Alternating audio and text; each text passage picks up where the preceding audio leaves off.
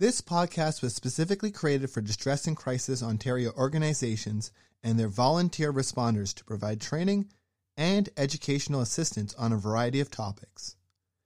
As information evolves and changes, these podcasts are meant to offer ongoing support with the goal of updating them on an ongoing basis.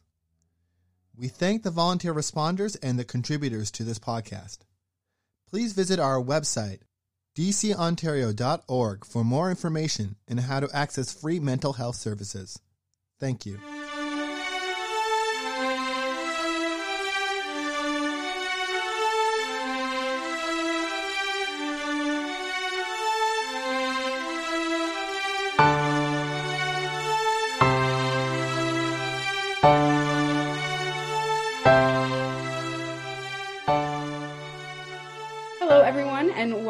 To another DCO Discourse podcast. My name is Katelyn Doyle, and I am the Communications and Marketing Manager here at DCO. Uh, today, we're talking about intimacy and intimacy coordination, which we think is a wonderful way to round off uh, the month of February, as we know, with Valentine's Day, and I feel all the pressures that that month has uh, given us, and looking forward to International Women's Day on March 8th. So, intimacy on stage and in film and anywhere in media really can be a powerful tool for storytelling, but it also raises important questions about consent, boundaries, and safety. So, to help us navigate these topics, I am joined today by Rebecca Lashmar, who is an actor, creator, and intimacy professional. After graduating with her BFA from the University of Windsor in 2019, where I also went to school, shout out University of Windsor, uh, she then went on to receive her graduate diploma in arts administration and leadership from Queen's University in 2020, which provided her with, pulling from her own bio here, these are her own words, a quote, solid understanding of consent forward, human centered practices and voices on and off stages and screens. It is crucial to create art that challenges the audience's and our own assumptions and understanding of what intimacy is and what that means for our art. End quote. But she didn't stop there. She then went on to continue her academic research to receive an MA from the University of Toronto's Centre for Drama, Theatre, and Performance Studies. So you've got quite a mouthful of a bio there, so that is wonderful. I'm really excited to talk to you today. Um, and so for those you know who are coming on here and listening and who don't really have an understanding of what your craft and and how many years you know you've put into this craft, can you describe exactly what intimacy coordination is for those listeners? For sure. Um, firstly, thank you so much for having me. This is a really cool, really cool resource uh, for folks. And I think, uh, yeah, it's just really cool to be included in this. Wonderful. Glad to have you on the conversation. Yeah. Um, as far as intimacy coordination goes, um, intimacy coordination is basically working and supporting actors through moments of, of what we would consider heightened vulnerability. So, whether that's a scene where they might be removing clothes or be nude or be performing simulated sex acts. Um, but also there's a there's an important component there that's also surrounding mental health um, and and recognizing the toll that that can kind of take on performers. So we're just there kind of in a way we work with production, but we are kind of separate in the way that we are mainly advocating for the performers and the crew members just to make sure that everyone feels uh, confident with the work being done. Mm-hmm. Cool. And so when you jump on to a creative project, uh, where does your work normally begin in that project? Um, you know are you starting mm-hmm. with the writers or are you coming on when production comes on or when actors come on um, or does it vary project to project? Yeah it varies it varies a lot. And, and one, of, one of my skills as well is i offer script consultancy work uh, specifically looking at moments of intimacy. Um, whether that's highlighting that like hey i can't help but notice but woman five woman seven and woman 6 mm-hmm. all how are they different? Because I can't tell from the script. So noticing kind of things like that or offering uh, consultancy on what could be written to help support the actual production is sometimes what I what I can do and what I can offer. But uh, primarily, it's a lot of uh, being called on to a project, uh, chatting with the director to see what their vision is, uh, what this scene means creatively and, and in terms of the whole story. Uh, and then meeting with the actors individually to be like, what do you, what does this mean for your character? What does this mean for the script? Uh, for, for you, how does this affect you? And then also touching on things like how do you how are you how are you feeling about this scene where you're mm-hmm. supposed to walk out and your genitalia is exposed to a camera in a room full of 50 people how are you feeling right so, so just touching in touching in there to be like acknowledging the difficulty or acknowledging the vulnerability um which previously hasn't necessarily been a component to a lot of production in theater and, and in film. So providing a touch point to just be like, what parts of your body are you comfortable being shown on camera? Is there anything that is a no-go for you? And then from there we kind of start the ball rolling just making sure everyone's on the same page without having people disclose things that they don't want to to folks that they don't feel comfortable disclosing them to. Very interesting. And it obviously intimacy is such a a nuanced thing like as you're describing it affects you know mental health and it also mm-hmm. is a it's just a very vulnerable thing i think for anyone and so I'd love to hear your perspective. Obviously, you have such a great resume of academic research and oh, education. Oh, thank you. Shucks. oh, you got it. But um, yeah, I'd love to hear more about how that has affected your work and your understanding of those nuances of intimacy. Yeah, intimacy as a as a field hasn't it's always kind of been around but it's been a lot of additional emotional labor of folks who work in wardrobe or hair and makeup or sometimes assistant directors or stage managers have had to come in and they're they'll be the first ones to hear if an actor is struggling with something emotionally or struggling with something physically. So it's important to acknowledge that like this work has always kind of been here. This is just in, in the last like 10 or so years it's it's the first time that it's been like named and a little bit more role definition is is mm-hmm. added to it and responsibilities kind of kind of under that. So in terms of like academic research on intimacy direction and coordination, it's like a like a handful a handful of, of, of folks who who started writing about it. And and it's taking a lot of practices from like consent coordination and educators and women and gender studies. Um, so, so it's been a lot of filling in a background so that I, I was doing all this work practically, but it was really cool to see like, oh, that's where this came from mm-hmm. um, or or fill it in. Yeah, just fill in kind of some some philosophy gaps in in how we were approaching right. this work, which was really cool. Yeah, awesome. And uh, sort of, kind of on that, uh, in your bio, you say that your artistic practices of writing, acting, and intimacy direction all kind of they all inform one another mm-hmm. uh, you say quote i often use text analysis acting exercises and intimacy techniques to work with directors actors and production to build confidence in performances and environments to tell stories fearless, fearlessly end quote um, so can you talk a little bit more about what you mean there when you're talking about those like what does that text analysis look like especially in relation to you know these philosophies that you've learned? And you know even just like what what does it mean to tell a story fearlessly? I'd like to mm-hmm. i'd like to hear more about that. I think you've you've put that really beautifully. Thank you. Yeah it's it's it's a funny thing in the arts world how much mm-hmm. we we we strive so often to tell these like very difficult stories but that are also so important and i feel like we put so much emphasis on the production part of it we forget that this is a story about people mm-hmm. so like we need to go back to being human centered and and focus on the fact that we are working with people and and i think that's why so much emotional labor has been done by folks in wardrobe and hair and makeup in the past is because they have this time to like ask performers how they're feeling or just be like oh what's the vibe on set mm-hmm. today how do you feel about your costume? Like would tell me what's going on. Like there's that kind of stuff. And it, it's also important to note that this work is so multidisciplinary.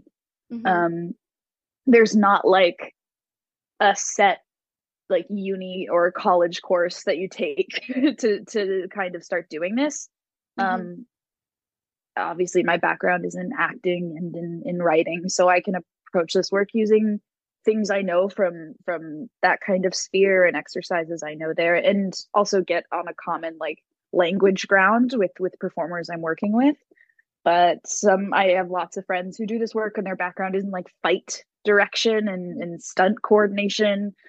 Um, a few folks who were uh, consent educators before they got into this work so they had to they had to learn more about the film industry where i had to learn more about consent coordination so it's a lot of no one has the same path mm-hmm. uh, uh, into doing this and i think that's what's really really cool about it is yeah. like we, we're all just coming together and we all have different skills and different skill sets um in different intersections that can that can support this work to to uplift people and let them know that they can tell this story and there will be support behind them. They are not an island. We are a group of people mm-hmm. telling this story together. That's really that's really beautiful. I really think the the arts are are so cool in the sense that we we do really all come from from everywhere, all different backgrounds, mm-hmm. education, non-education, uh, really really everywhere versus you know business. You've got your business degree, and then yeah. I wasn't gonna bring up like an MBA when I was like, you can't just take a university course. My heart said an MBA. So don't, do, don't, do that. Yeah, yeah. But um, I think that the the arts really are. You know, it's it's every it's every artist is coming from a very unique perspective that informs their work not just obviously who they are as people but but their work yeah and so yeah. I'm I'm curious as you know being being a performer yourself, uh, how does this change your approach to your own personal practice? You know, uh, how are you taking what you've learned and instilling it in ways that you maybe wouldn't have prior to to this education?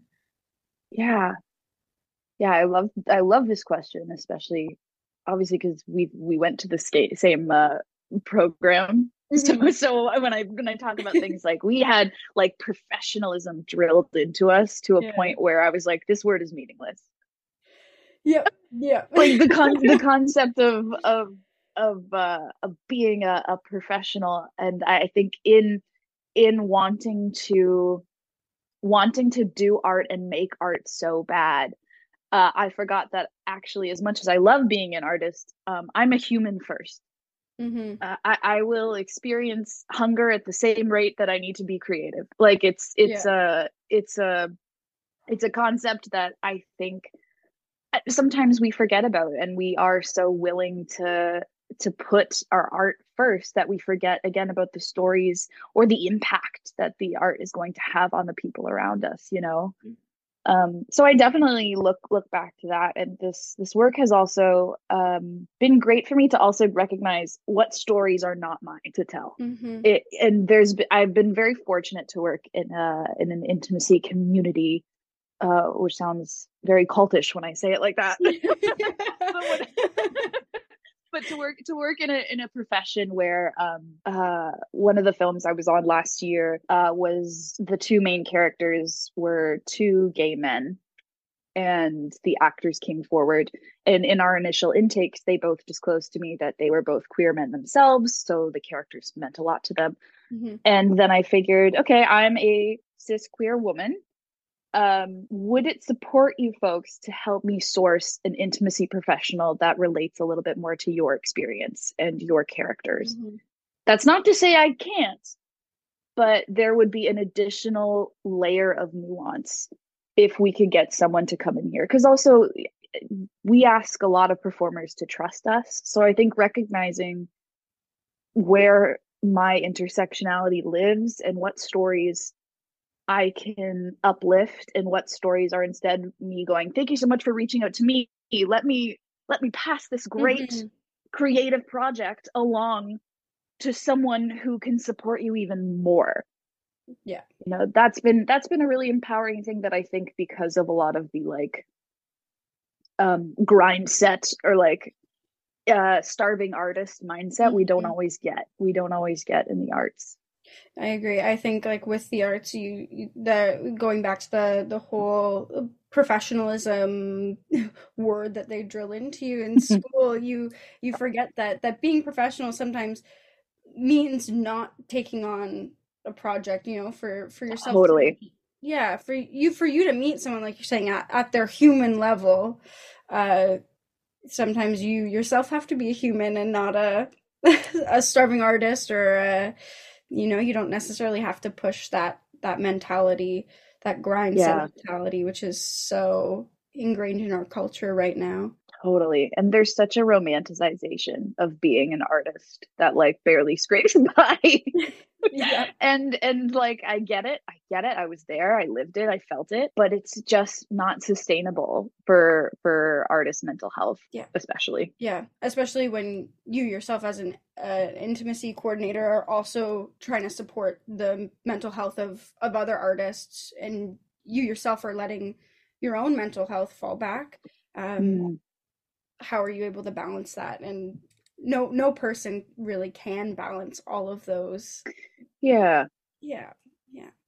Um and so speaking more i guess uh towards uh back on the the question track um i am curious you know what what in my own research on this when i was coming up with questions i you know googled your your website and um oh no. link? Pardon? Oh i said oh no. That's oh no. No it was a wonderful website. I said i was gonna yeah. link it in the show notes for our for our listeners to to check out oh, if they want to learn more.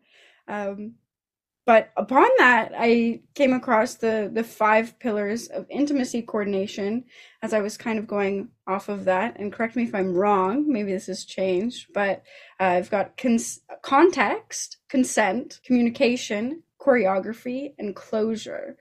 Uh, so can you talk about what those mean in in your own context of of work? Sure. Yeah. Uh, so those were uh, initially built by three different intimacy professionals. Uh, the Canadian icon Siobhan Richardson, who is a huge pioneer for this work, as well as two lovely folks from the States, Tonia Sina and Alicia Rodis.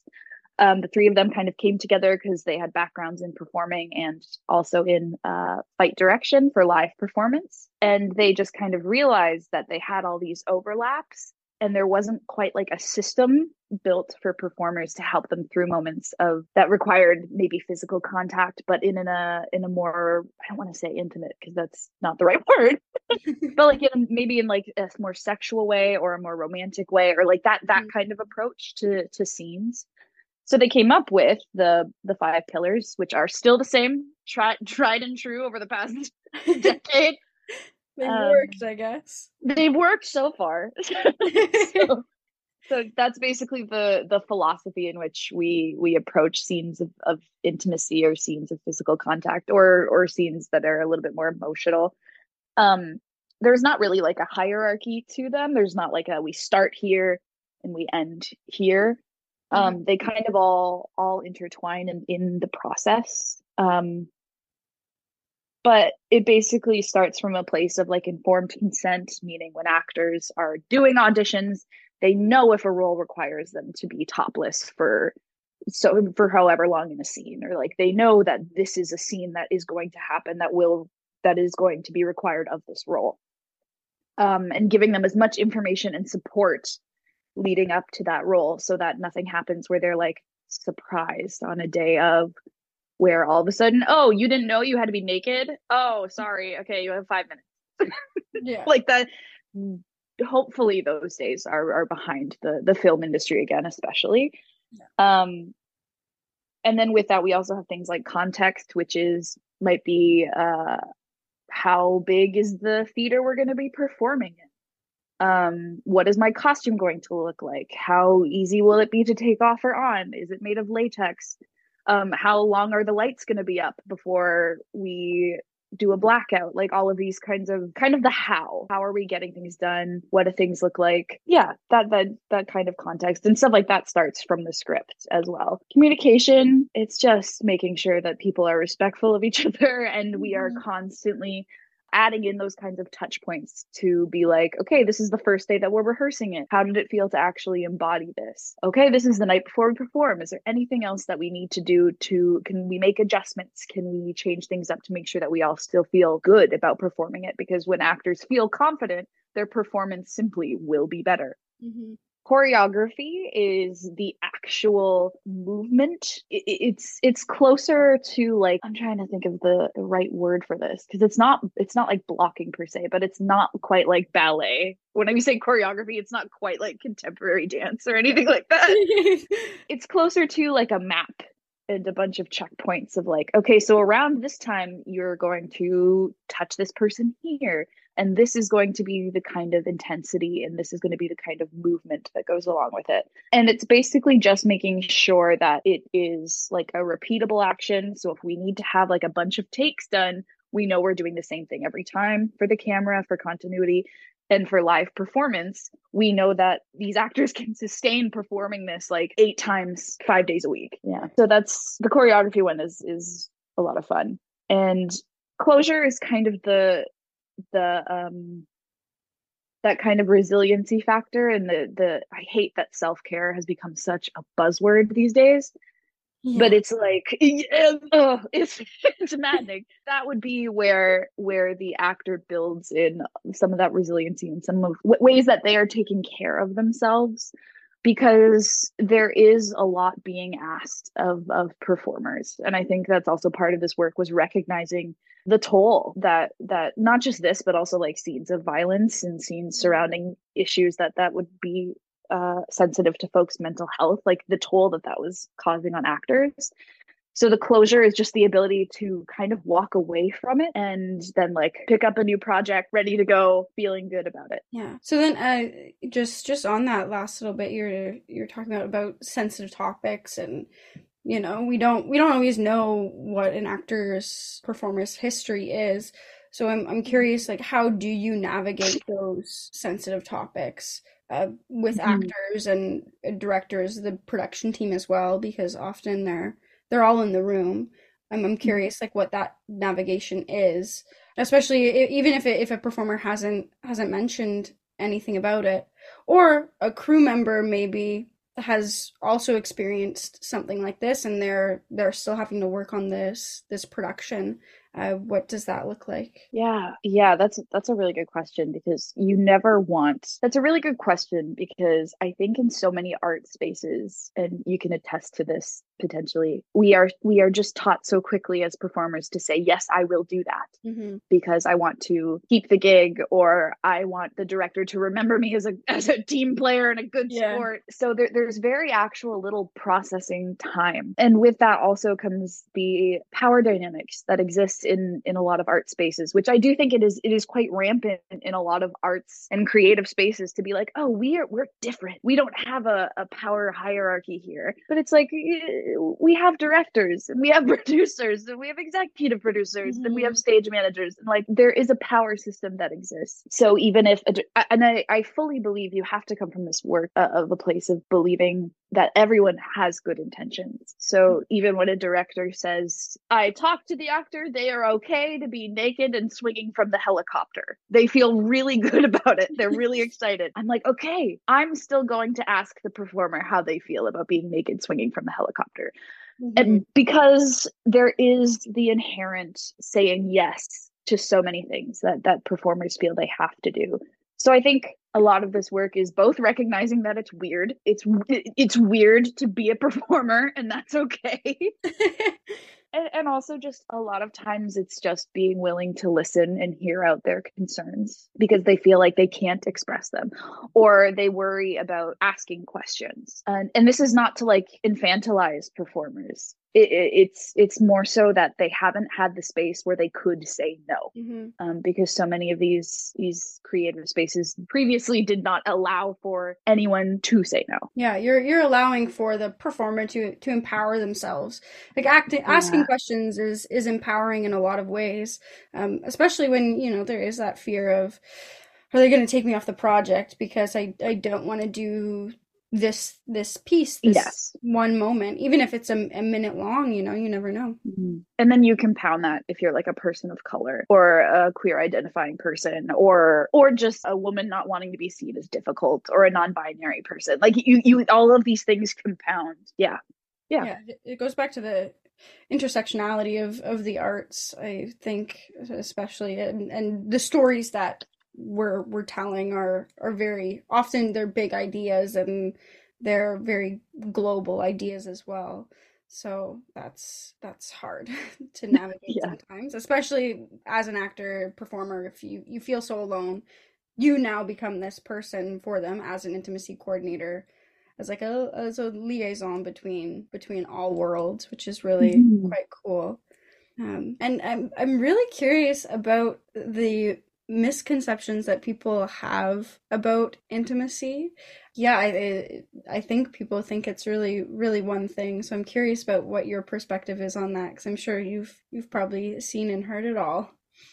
Yeah. I, I it, it's interesting. And I was telling my therapist about this last week.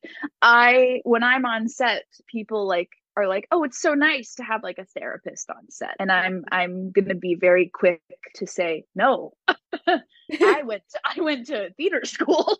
like no, it's it's a lot of people are now and this is also a misconception within folks who do this work as well. It's sometimes we are equated to mental health professionals, which is not true. We have mental health first aid training. I am a artistic mental health practitioner, meaning I took an additional course. Mm-hmm. But it's like it's it's like being in an emergency and someone collapses to the ground and it's like don't call 911. I know CPR. And it's like yeah. you still kind of want to you still want to call 911 you want to get the still, yeah yeah you still want professionals there i just have a lot of resources and i'm i'm familiar enough to support people in the moment or maybe a little bit for like debriefing or in days following but uh, uh, in that capacity i function much more as like a support for people when they're on set in the moment and kind of in production. And then if a person has expressed that they continue to struggle with like maybe letting things go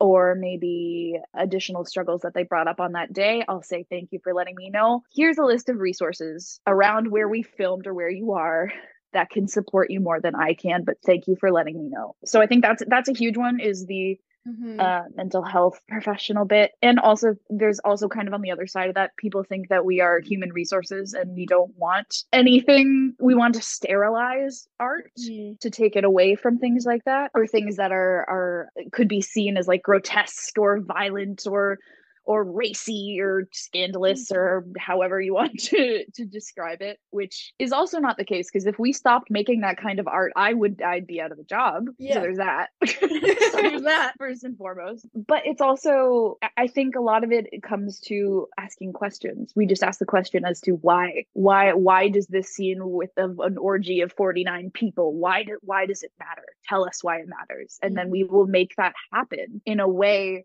that is ethical and lets everyone feel confident about it. Which which i think is is the goal of of all art is to i, I mean art is all about ethics and and promoting the well-being mm-hmm. of people. I mean that's why we we make art and share art. So that's yeah that's interesting. Mm-hmm. but I, I definitely could see how people think that it's you know a sterilizing process to to break it down. But yeah yeah. I, I do agree. I think it is it is the opposite in in that regard. And even you've got in the five pillars you have choreography which is i mean come on yeah i mean it's just a, another it's it's so fun because so often uh you would not tell two actors who are on stage like oh and now can you guys improv a fist fight? Yeah. Like you could but it would not be it would not be fun and not be productive and it's like we are losing valuable uh storytelling opportunities the same way that if you ask two actors oh can you just like kiss each other? Like oh but there's so many nuances and opportunities in how we we can choreograph this and build language and we can see like oh who wanted to kiss first? Oh how long are they kissing for? Oh someone walked in where do their hands go? Uh, like there's so many fun fun opportunities that could get left behind. Mm-hmm. and so i'm curious that in in building this this language for performers and um, uh, directors as well uh, how does this kind of work impact audiences? Like how have you seen mm-hmm. the change in the shift in language maybe uh, impact how they're receiving the art yeah i love this i love this such a good question because over the past like however many years even like 15 20 years there's been such a weird energy around uh, content warnings or like content notes or, or trigger warnings is was what they were called before. Some people still refer to them that way. And I think it just offers a lot of it's that informed consent bit that I think that I think can be really really impactful for audience members so that they can take that own autonomy in their own hands as well mm-hmm. and say I'm going out to see the show tonight. Cannot wait. Had a really rough week. Need something joyful to uplift me, I'm going to go out and see some art. Maybe they wouldn't pick like Shakespeare's Macbeth, or maybe they would.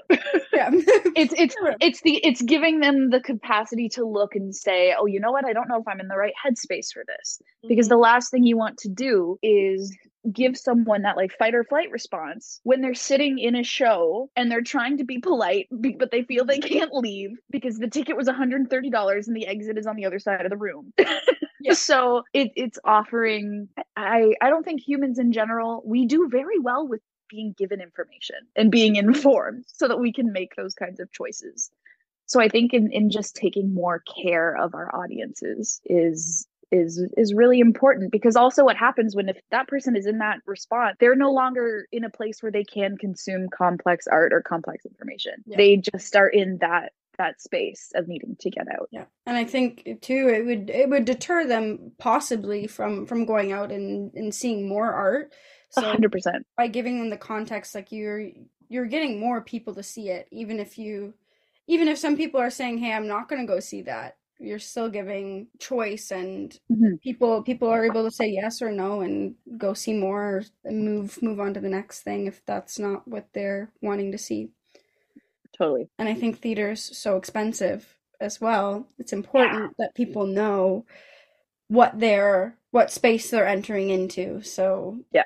what they're what they're getting into. Yeah. We can keep that space alive. Uh, i'm i'm curious as well how do, how have you seen intimacy coordination? I think i think especially in film because i feel like it's shifting more loudly than maybe theater but at least what i've seen personally might not be true for everyone but how has this brought awareness to to consent on the whole for outside of intimacy coordination just in yeah. personal relationships yeah i think i think in the last few years uh, coming out of the me too movement especially there the world was was forced to have a conversation around what consent is and i was kind of a late teen mid mid teen late teen when like the whole consent is sexy era yeah. was among us and then quickly was like, uh, what? what, what, what, what, what is it define? Can we define this further? So I think it's important to recognize that it is something that is so nuanced and is so important and it is so uh, changing constantly. So I think it recognizes e- even that just consent is a thing. I think it changed also our perception of what we are expected to see as performers, what we are expected to do and the capacity to continue asking those kinds of questions. And I go back to again, just putting humans first and, and putting kind of which i know is hard in the system that we live in. It's specifically built for us to not think that way but it, it brings back the conversations of why are we telling this story? How can we support the people who are telling it? Yeah. And then um i guess just as our our final little wrap up question because i think you've you've really answered all of these these questions beautifully and, and thank you. off for a, how do you see these principles of intimacy coordination being applied beyond the creative world in in the business world in the service mm-hmm. industry like how are how is intimacy coordination impacting the world at large yeah it's well so much of what intimacy coordination is came from so many different places it came from educators it came from storytellers before us. Like so many of these things are are foundationally people have always been trying to do these things. So this this new role is just looking at it in this one way. But I think beyond the creative world, I just go back to how important it is. We can all we can all take and gain knowledge from learning what a trauma informed practice is. We can all learn from actually asking people how they're doing. You know, that like meme of like you go up to order a coffee and the barista's like, Hey, how are you doing? And you're like, large cappuccino. Yeah. just like like taking that time to be like, how are you? And ask questions and actually ask questions of each other and be be kind and expect that people uh, more often than not are coming from places of good intentions. Rarely ever does a person set out to be like, I will do harm. like that is almost and then that I'm sure that, that person has a lot going on. So I'm sure they also need some support there. But it's it's important to to just go back to to remember that we're working with people and people are complex and to be kind and to consume art ethically when you can. Yeah. Yeah. It's, this world is becoming very very automated with with AI and all of that. God, yeah. the effects of that, which could be a whole other podcast. But yeah, I think I think you've you've put it really beautifully about you know being human first more than anything. Again, especially with with this age of AI and people just Mhm. wanting things so fast and Wanting things fast and also like the capitalist grind and like the first thing that humans lose when we're burnt out or when we're tired Mhm. is our empathy, which is another like super hot buzzword these days. But the first thing that we lose is our our empathy and our compassion towards other people, which is why it's so important. I- think art brings us back there. Mhm. So yeah, That's wonderful. Thank you so much for for coming on today. I mean, I've I've learned so much, and I I, I think our listeners will too about just again compassion. I I think this is such a cool career path that you that you have and are on and an outlet thank you. on that. I think it's really, I I think it's super important, and I think I'm I'm looking forward to its impacts as as we move forward in years. Because obviously, this is, I mean, it's always like you said, it's been here in small capacities, but I think it's it's really making its way through and every i mean myself every theater space i go into has been there's if there is any Mm. intimacy there is an intimacy coordinator there and so i think that's really quite wonderful and speaks to the the impact of your work in the arts industry which i think Thank you so much. of course. And thank you to our listeners for taking the time to listen to our podcast today. If you'd like to check out Rebecca's website, I'll be linking that in the show notes. And if there's any questions, I'm sure she's more than happy to answer them for you if there's anything unclear. But thank you all for listening again, and we'll see you next week.